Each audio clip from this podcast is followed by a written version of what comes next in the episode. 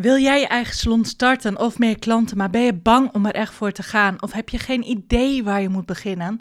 Mijn naam is Sabine en in de podcast Sabine Salon Strategieën geef ik je tips om meer klanten in je salon te krijgen. Ik leer je hoe je jouw agenda op een authentieke manier vult met afspraken, zodat je geld verdient en meer rust in je hoofd krijgt. Ik ga je inspireren en motiveren om nu echt jouw salonbedrijf goed te gaan starten. Yes, luister mee. Ondernemen en een salon runnen. Mag dat lekker licht voelen en je makkelijk afgaan? Ik vind van wel en zeker ook als je nog moeder bent en voor het huishouden zorgt. Ik ga je meenemen in mijn reis van een startende salon naar de salon vakvrouw en coach. Ik zie zoveel vrouwen worstelen en zoeken naar antwoorden. Goed advies, tips die wel werken en vrouwen die het ook zat zijn om van alles te proberen en het lijkt gewoon maar niet te lukken. Allemaal willen ze één ding: meer klanten, meer geld, meer rust. En ondertussen ben je alle ballen aan het hoog houden. Moet je keuzes maken en heb je geen idee wat de goede is. Heb je schuldgevoelens naar je man, je kinderen en. Want ja, jij hebt een droom. Jij wilt een salon. Dan moet je nu ook niet gaan miepen, toch?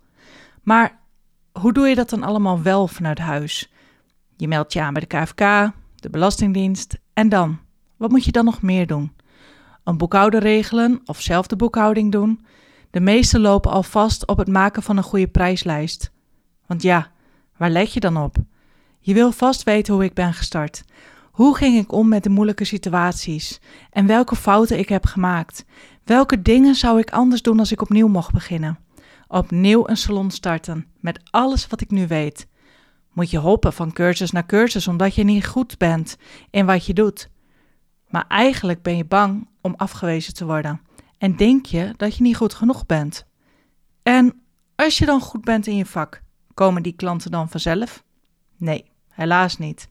Want je hebt geen website, geen Instagram, geen Facebookpagina. Je hebt nog geen foto's, want je salon is nog niet af. Je durft hetgeen waar je foto's van hebt niet te laten zien, omdat je bang bent voor kritiek. En als laatste heb je nog niet alle producten om echt te kunnen starten.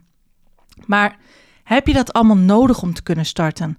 Om klanten te kunnen helpen? Nee, dat vind ik niet.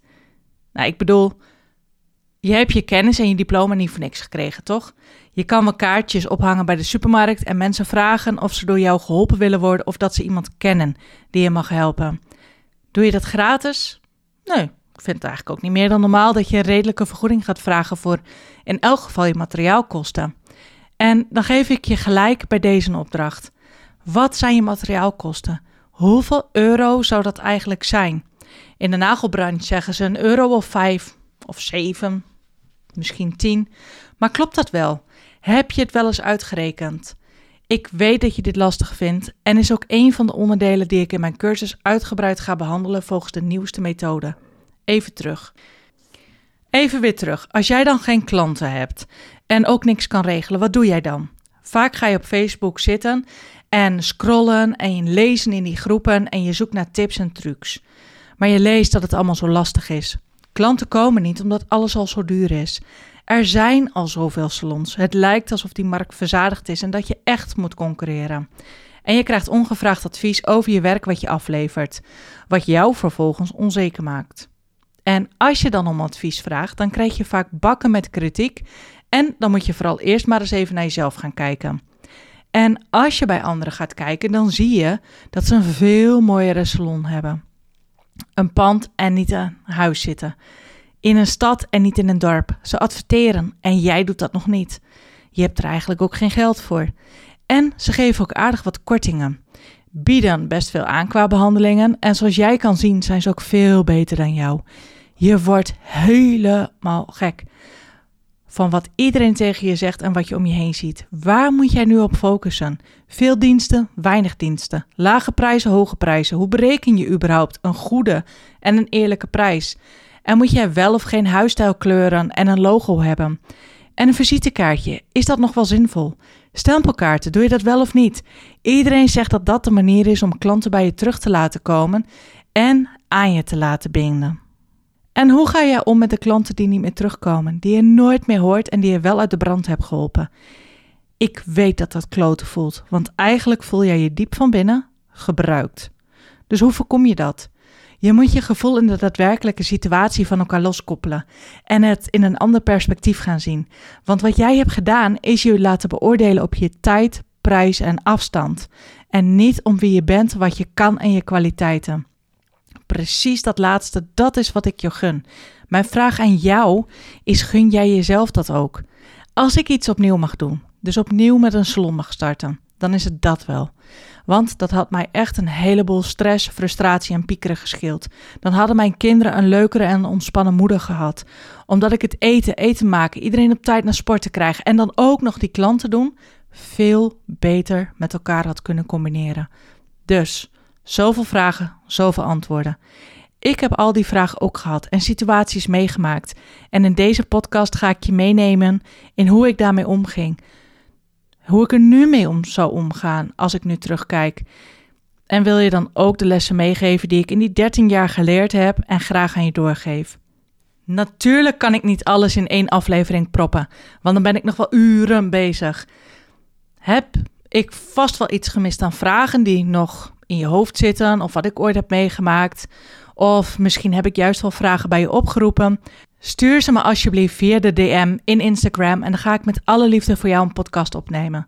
En als je denkt, Sabine, hier moet jij echt de volgende podcast mee beginnen, laat het me ook weten. Ik vond het in elk geval super spannend om deze allereerste aflevering op te nemen en ben heel blij dat ik het gedaan heb, ondanks mijn onzekerheid en mijn gespannenheid die ik voelde. Want ook ik vraag me af, wie ben ik om hierover te praten? Zit hier wel iemand op te wachten? En kan ik waarde bieden? Maar als ik dan kijk naar mijn droom en mijn waarom, de reden waarom ik doe wat ik doe, dan is die zoveel groter dan mij en mijn onzekerheid. En ook dat is ondernemen, hè? Je kwetsbaar voelen en het toch doen en stappen zetten. En als ik dan terugkijk naar de jongere versie van mezelf, dan had ik ook behoefte aan een mentor. Iemand die me kon begeleiden en iemand waar ik alle vragen aan kan stellen, die de antwoorden al voor mij heeft. Of weet hoe ik een bepaalde situatie of een lastige klant, hoe ik dat moet handelen of tackelen of voorkomen. En hoe ik dat praktisch en snel oplos. Gewoon omdat zij dat ook al heeft meegemaakt. Wat ik ook graag zou willen bereiken. Gewoon meer klanten, meer geld, meer rust. Maar nog niet precies zien hoe dat precies moet. Superleuk dat je hebt geluisterd naar mijn allereerste aflevering. Je bent nu een stap dichter bij je eigen salon starten of meer klanten aantrekken. Om je echt over die drempel te krijgen, ben ik een cursus aan het maken waarbij je leert om in 7 dagen meer klanten in je salon aan te trekken. Voor meer informatie bekijk mijn website topsalonacademy.nl met een Y of ga naar Instagram top laagstreepje salon laagstreepje academy. Is er nog iets niet duidelijk? Of heb je nog ergens vragen over? Of heb je een onderwerp waarbij je heel graag mijn mening over wil hebben? Stuur me een DM. Sowieso heel lief als je me laat weten dat je mijn podcast hebt geluisterd. Ik vond het in elk geval super spannend en ben blij dat ik het gedaan heb. Ondanks mijn onzekerheid. Want ook dat is ondernemen, hè? Doen en stappen zetten. Ook al voelt het niet comfortabel.